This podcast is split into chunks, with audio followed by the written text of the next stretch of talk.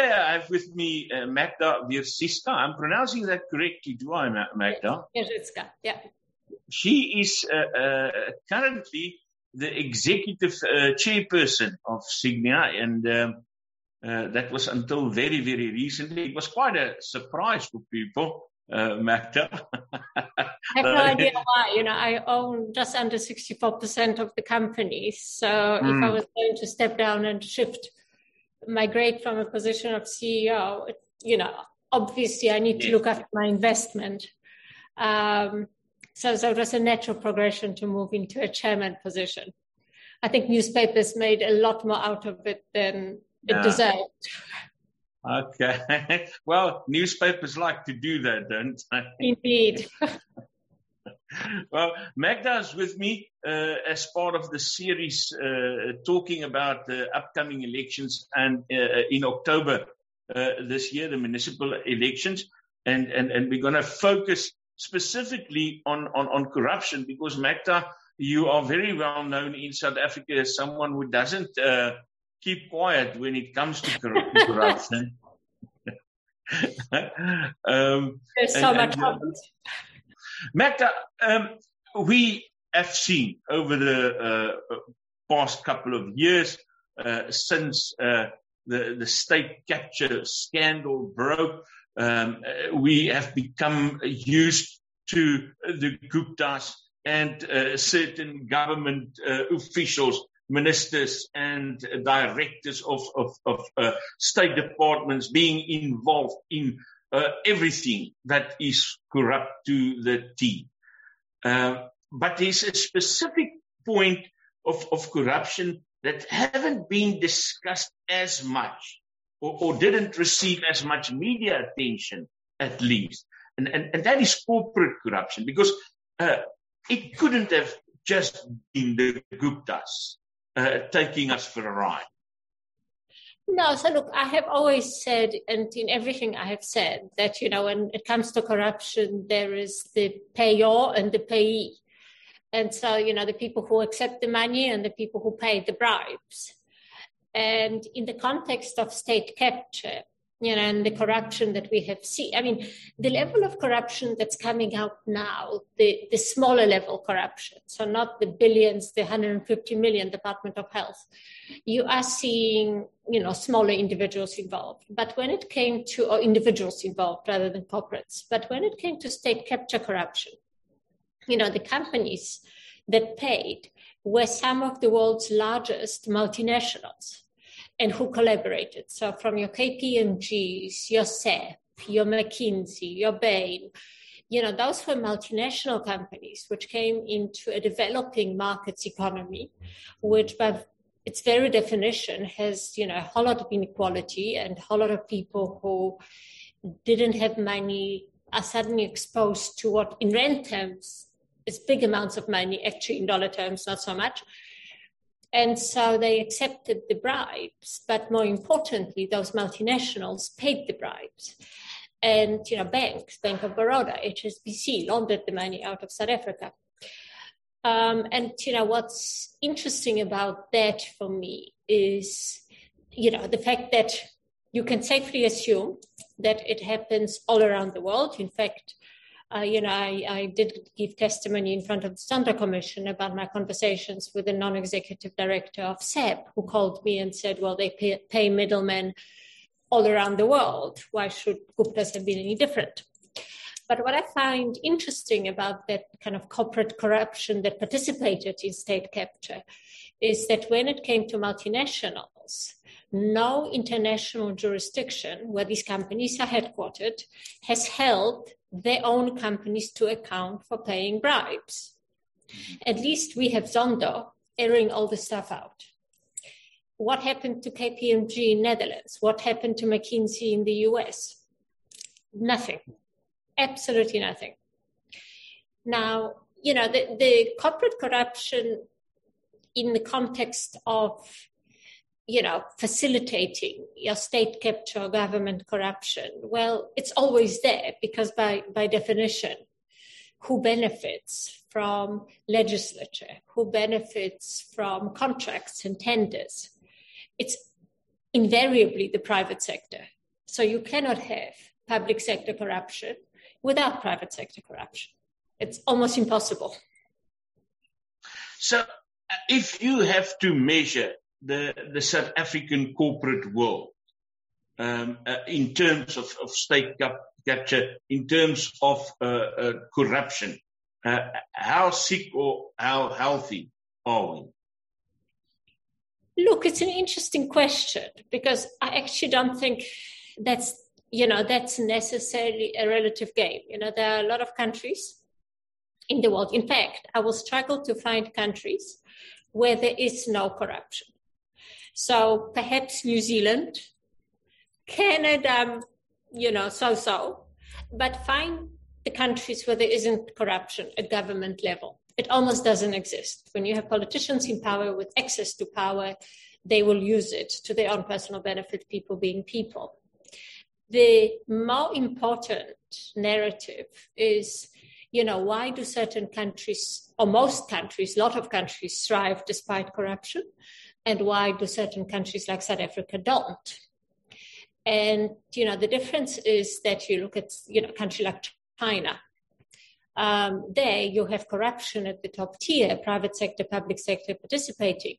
But you also have a smart government which recognizes that in order to have, you know, not to have uprisings in the street. They also have to take care of their people, of education, of infrastructure. So they have a functioning corruption.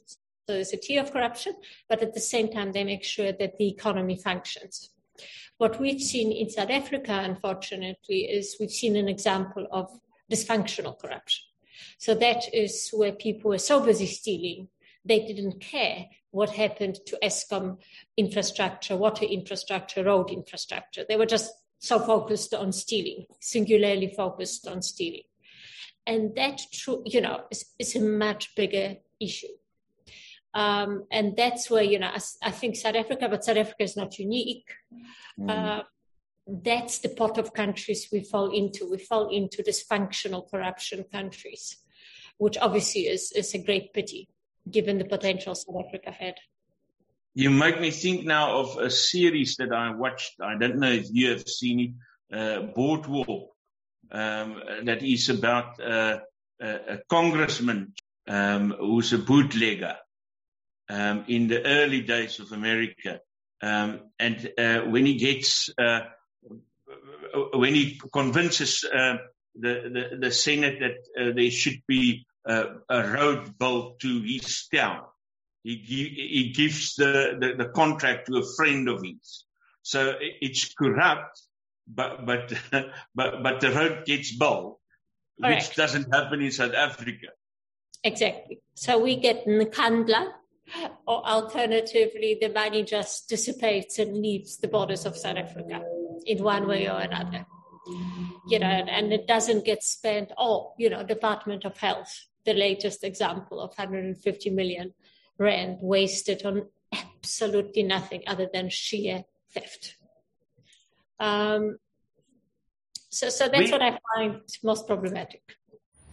Verkeersboetes behels meer as 'n klein ongerief met minimale gevolge. Jy kan 'n kriminele rekord kry of probleme teekom as jy jou rybewys of motorlisensie hernie en die metropolisie kan jou by padplakkades lastigval om die boetes te betaal. Fines for You vir minder moeite met verkeersboetes deur hul te monitor en vinnig, wetlik en effektief af te handel sodat jy nie die ongewenste gevolge hoef te dra nie. Ons spesialiseer in groot vlote en streef daarna om jou geld te bespaar. Kontak ons gerus op 011 867 7331 of besoek ons webtuiste by www.finesforyou.co.za.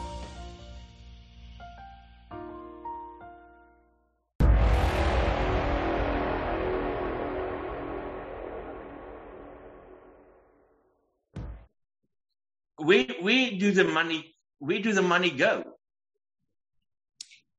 Well, in depending on who you are. Uh, so in cases of Guptas, uh, who were you know basically were money launderers who were, and came from a family of money launderers in India. You know, the money left the shores of South Africa. It went, I mean, we do know, and the papers have been written, academic papers, um, where the money went. They, you know, the money went to banks in UAE, in Hong Kong. From there, the money was immediately distributed to multiple bank accounts, to multiple bank accounts, multiple bank accounts disappeared. Once it disappeared into these multiple bank accounts, you know, obviously gets spent on lavish lifestyles. In South Africa, and I think what I'm finding so annoying is that actually the South African part of, of this equation, you know, you, you can't think you know, you, you really can't look at this and not think that we've been robbed by morons, which, you know, mm-hmm. so first of all, they're still in South Africa. Second of all, they're taking the money and they're spending it on houses, luxury clothes, luxury vehicles, holidays, and then they're posting it on social pages. So we truly have been robbed by morons. You know, at least if you have people who have bought second passports to Cyprus, you know, and disappeared and with the money, you would think, okay, you know, it's it's an organized hit on South Africa. But you know, to to see these people literally on the social pages of the Sunday Times, you know, two weeks before they get arrested. Uh, when you look at the, the houses that are being confiscated, and you will see more of it as the asset forfeiture unit really springs into action, you know, as part of NPA. You will see more and more of cars being confiscated, houses being confiscated. People spend it. And that's where it becomes very difficult to look. I, I don't know what's more difficult to recover. Is it more difficult to confiscate cars, auction them off? You'll never recover the full value of what was stolen. You recover something. The bit where money gets taken overseas and disappears into multiple bank accounts, like with the Guptas, uh, I think that's actually more problematic to recover. But that's where the big money went. Magda, a good friend of mine was a, was a, a parliamentarian uh, earlier, um, tells me in, in both um, uh, pre- previously in the time of apartheid and also now in the new uh, dispensation. Um, and he tells me that a certain uh, company, he always saw the director with uh, with the previous president, and when the new dispensation come, that uh, company's director was always with the new president, um, which makes one want to ask um, about the relationship between big companies and a government. Is it really necessary that close relationship between uh, big companies and uh, the current government? So you know, it's it's look with the gov- current government. Someone asked me a more generic question. You know, I was giving a lecture at Columbia Business School, um, and they said to me, you know, what does it take not to have corruption in government? And I, you know, I said, well, you know, the, a good start is to elect a very wealthy president who doesn't need to steal. Mm. Um, the bit where you have, you know, private public sector closeness you know, that's a feature of almost, again, every country. And many of the large companies worldwide are large because they depend on government contracts. You know, so, so who hands out mega contracts? You know, Sygnia isn't going to hand out a mega contract to anybody for anything. Mm. Um, so when it comes to multidisciplined companies, companies in the business of provision of services, and you know, gosh, even financial services when it came to the PIC for that matter. But when it comes to big contracts, those big contracts tend to come from the public sector.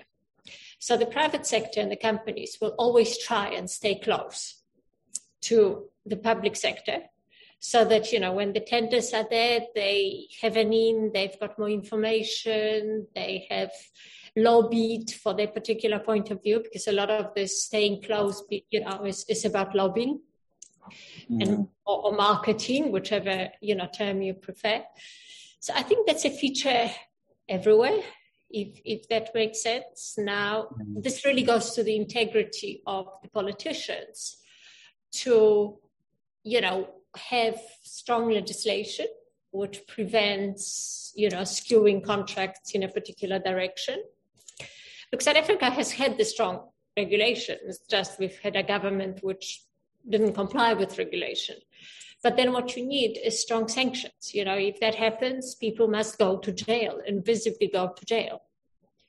And I'm hoping that that's the period we're entering into where, you know, fear enters the equation again because people see consequences to their actions, mm. which I think we haven't seen for quite a long time.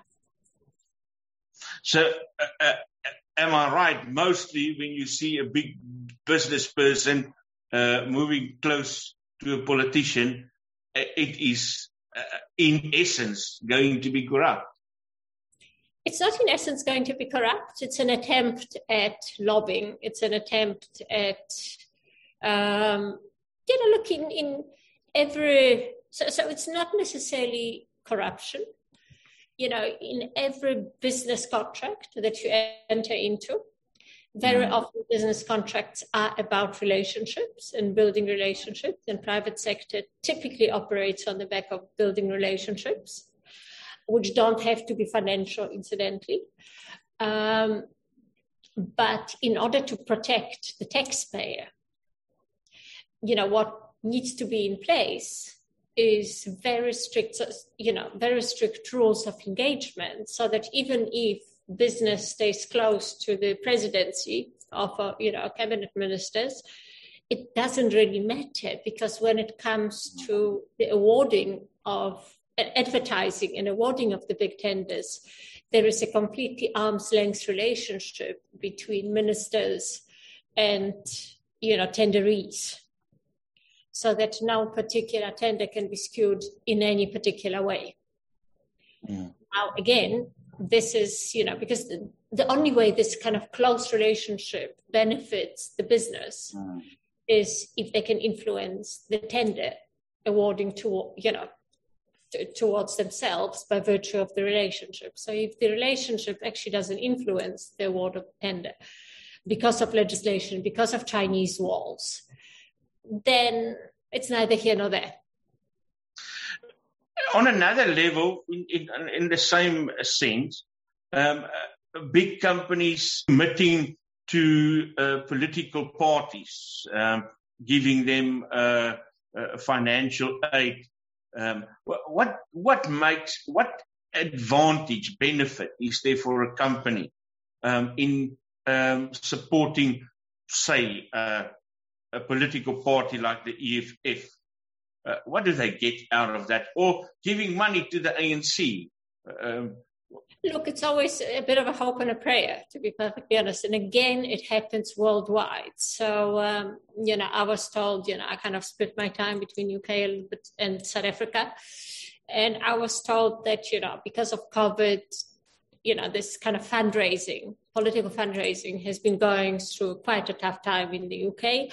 So for £100,000, I can meet anyone I want to for dinner. So if I make a donation of £100,000 to the Tory party, who do I want to meet for dinner? Um, so parties and political parties fundraise all around the world, from United States, UK, and outside a feature of South Africa. Uh, you know, and, and the mm-hmm. reason for fundraising is that the allocations, budgetary allocations that they get out of the taxpayers' pot are usually very small. And then when it, you look at elections, you know, what do you need? You need marches, you need regalia, you need posters, you need adverts, you need functions where you need buses, you need food for the people you're busing in, you know, so it's, it's huge expenditure thing. And so you need to raise money for that. Now, you do it through fundraising. What do the companies themselves get out of it? You know, the cleverest companies, to be perfectly honest with you, donate money to every party. So they back every horse in the race. Mm. Um, so that they are, you know, if, if there are any crowns falling off the table, whichever table, they don't actually care which table it it's that table that I'm talking about. Yeah. yeah well, so, so most most large companies actually don't care which table it is, um, mm. hence they will donate to every single one, and then they they hope that that gives them access, relationships, preferential information. Mm. That's the reason. Um, look, you do have but you know, usually not at, at a company level, at individual level. You know, you have people donating because they believe in a cause. So, you know, I'm hardly as Magda going to donate to every single political party. You know, I will donate to the party that I believe has the, you know, greatest potential for taking South Africa forward. Mm. Which um, party? yeah, you tell me. almost like, you know, Iran, you don't know who to vote for at all, so you just don't vote. Hmm. Um, I don't know. I don't know if you said to me, you know, evaluate the merits. I don't find any party in South Africa worthy. So I think it's a real problem. Mm. Why? Why do you say that? Look, you would have to evaluate each and every party, uh, which obviously I don't want to do. But um, you know, which party has presented to me with a growth plan for South Africa, which is, you know, because we've got a lot of political parties in South Africa which point fingers at ANC and corruption. And that has almost become their sole slogan and sole reason for existence is to point out ANC's failures. Now, you know, what I would like to hear is I would like to hear a fresh voice which says, here is if we were elected. Here are the simple terms, you know, 15 bullet points. This is what we would implement in terms of economic policy, education policy, and this is how much it will cost us, and this is how much we have in the pot, and that's how we would spend it. You know, so give me 15 flashcards as a political party that makes me believe that you've got a vision for the future of South Africa. And then I'll vote for you. Don't give me a 200 page document that I'll never read. 15 flashcards in different colors, preferably, that explain to me in simple terms why I should vote for you. And it better not be because ANC is corrupt. Whereas, you know, our politics have resulted to that. Mm. So um, even though Herman Mashaba is very active against corruption, uh, won't make the cut with you because he's also uh, venting against the ANC. You know, I mean, look, I, I, think he's a credible candidate in, you know, Johannesburg. Uh, but again, give me more, you know, I need more to be convinced to vote for a political party than just saying, I'm not going to steal your money. You know, if that's one of your flashcards, I promise not to steal. Mm. Please vote for me because I promise not to steal. Come on.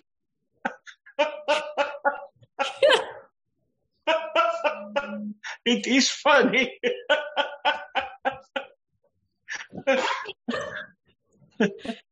That is, that is what is flashing in front of us. This is what you are asked to vote for.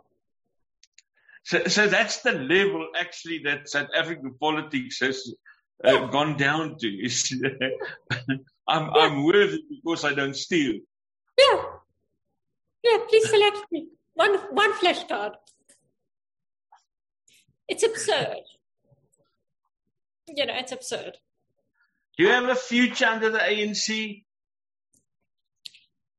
So, you know, I mean, look, my my thing of building Sygnia, and I guess, you know, why I, you know, I can voice my opinion so freely is that, you know, a very long time ago decided not to do business with government. I don't manage any government money. Uh, I don't manage any PIC money. I don't even know what PIC offices are. So, um, you know, I'm not in any way dependent on any government contracts and and that's by choice. You know, I've never tried to solicit money from mm. from government pension funds or anything like that. In fact, in my entire career, I've never tried to solicit money from, for instance, the PIC. Um, so, so you know, when I look at ANC right now, I mean, you know, there's some real, you know, realities of South Africa right now, and that is that ANC definitely has the most widely recognizable brand name. And remember that your votes are coming from you know, rural areas, urban areas, from all sorts of walks in lives. And very often people, you know, if they don't know what to vote for, they will vote for the people with the loudest voice or the colors they recognize, the slogan they recognize, the logo they recognize. So I think it's naive to suppose that ANC will not remain the largest and the most influential party in South Africa, irrespective of what you know individuals do because i think you know as a mass movement people will automatically vote anc in absence of more widely recognized brand.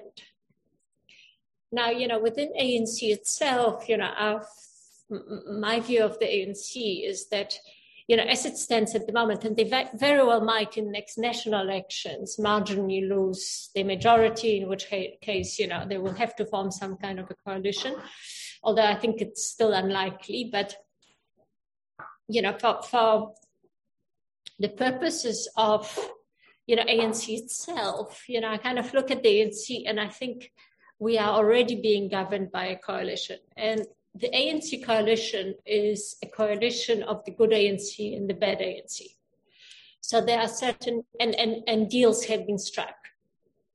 So, you know, what surprised many South Africans, really potentially being corrupt with his 150 million rand tender in the Department of Health, well, I've been told by very senior people in government, very, very senior people, that he's known for that. This is not, not the first time.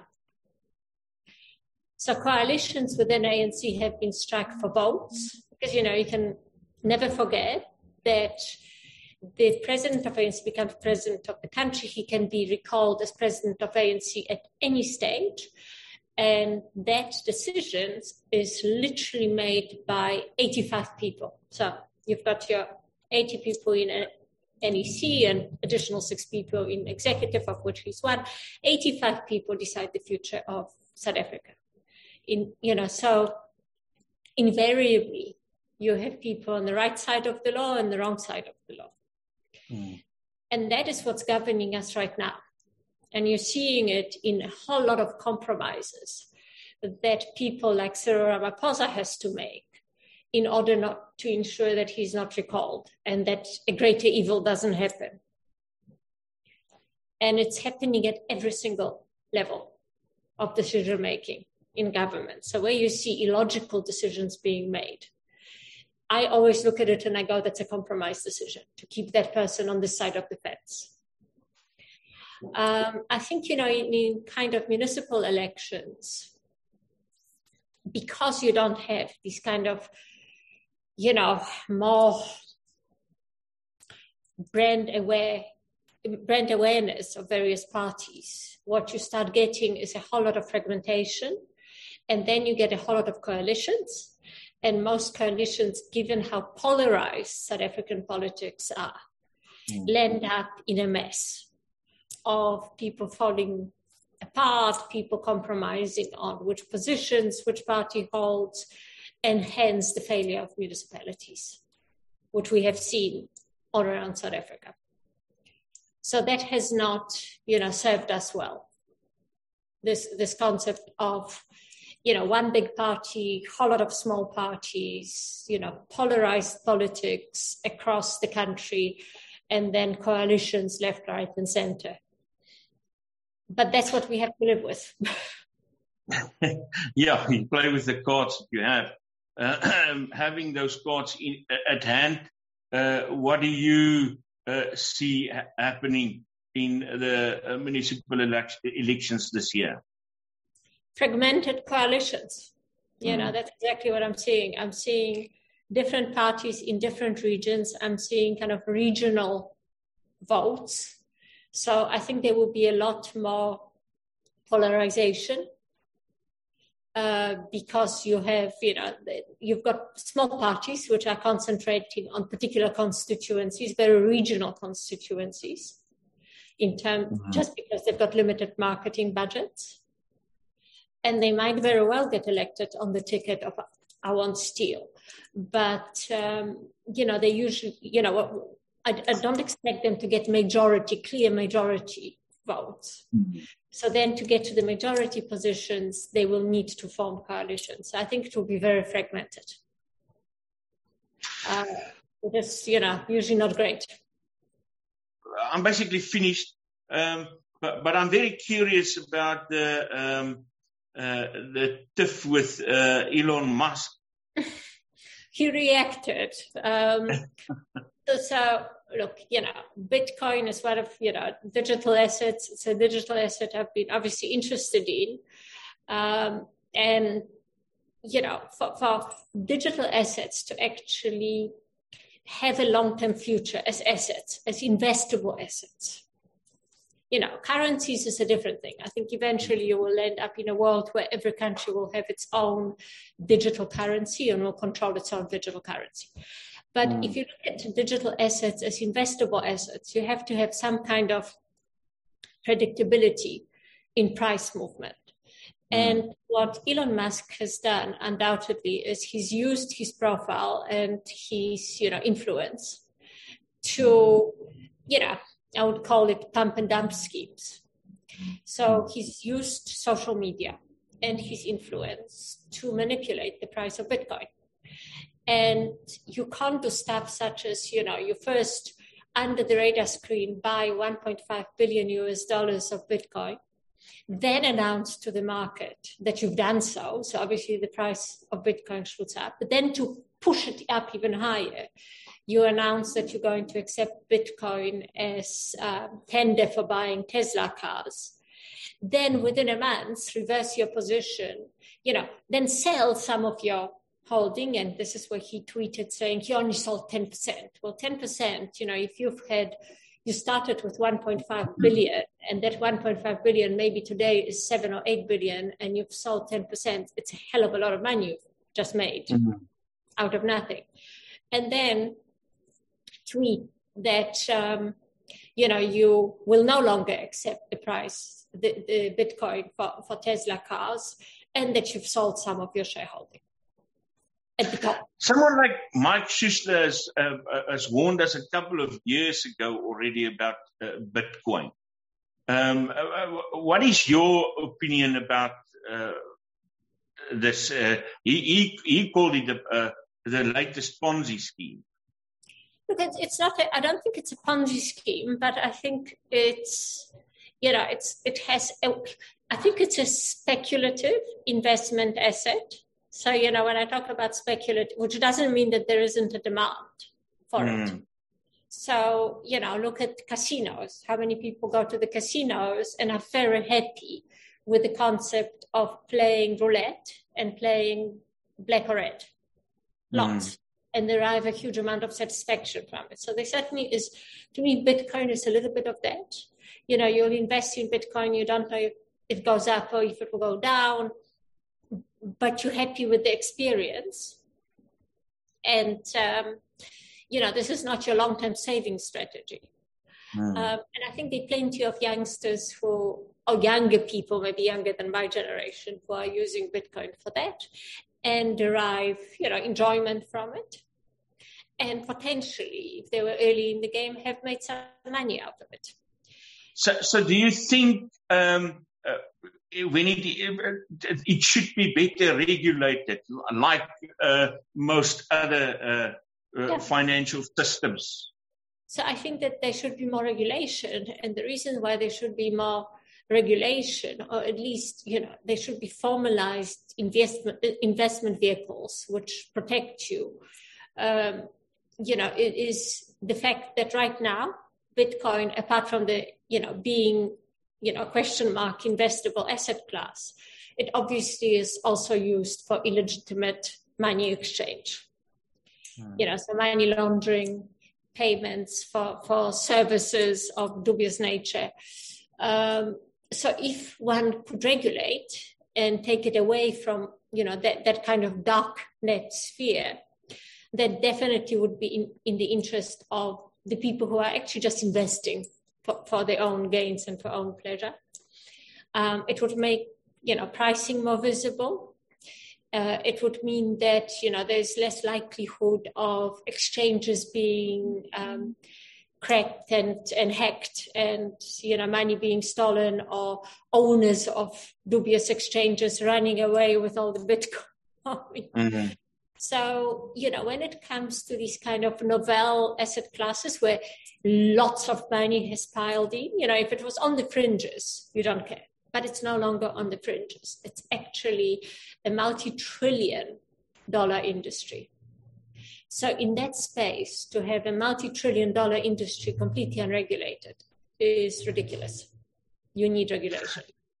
Because, as I understand it, when something like this happened, what Elon Musk did, when, when if something like that happened at the JSE or uh, yeah. Wall Street, he would have been in big, big trouble. Gone to jail. Jordan Belfort of, Wall of, Wall, uh, of Wolf of Wall Street uh, fame went to jail for exactly that. It's called the pump and dump scheme. And, you know, look, it's a question mark whether, and I think that's why he responded to my, because I actually gave, you know, a couple of interviews and that got translated into an article and, you know, st- you know, some US uh, website, um, Twitter account tweeted that article and that's what he responded to, defending himself. Um, you know, my comment on all of this is that when he drove, and he personally, through his actions, drove the price of Bitcoin, which is currently trading at around $30,000 a Bitcoin, but he drove it up to 60. People bought, youngsters bought, you know, mm-hmm. believing in him. And then a lot of youngsters have lost money, which they could not afford to lose when that mm. price went from 60 to 30, again, based on his actions. So when it comes to losing people's money, there must be accountability. And it's not beyond, you know, the US markets are regulated by SEC. And potentially SEC is looking into, into this already. I mean, they, they don't make the investigations public until there are fines involved. But if not, regulators should be looking into the influence that you know people like Elon Musk have on pricing of assets and on the mm. potential for average man in the street who is ignorant of you know potential to lose money purely because of the influence of one individual. Because you know there's nothing good about this by the way. There's no way you can look at this and say there's something ethical or credible about what has happened you know, to me, it's shocking. And a lot of people have lost money. Just a last question regarding your uh, uh, being the chairperson of, of, of Sygnia now. Do you have a time frame on that, or uh, do you? Uh, no, look, you know, we we own. I mean, between myself, my husband, family trust, we own, I think, sixty-three point two percent of Sygnia, and I've got absolutely no intention of selling any of our shares. And obviously, it's a big portion of our net worth, which we have created from the ground up. I think, you know, there are very few companies in South Africa where literally it was, you know, I mean, there are a few, Aspen, but, uh, you know, where you had few people in the room and we have no, we had no capital backing us. We had to mortgage our houses to start the company, took no salaries for the first five years. So, so Sygnia will always be my baby. And for as long as it is that, then I will remain involved. And as I said, I've got absolutely no intention of selling. I think, you know, Sygnia has a great future. We have, for the first time, you know, this year, started attracting a lot of retail investors to Sygnia. You know, so asset management companies go through an evolution.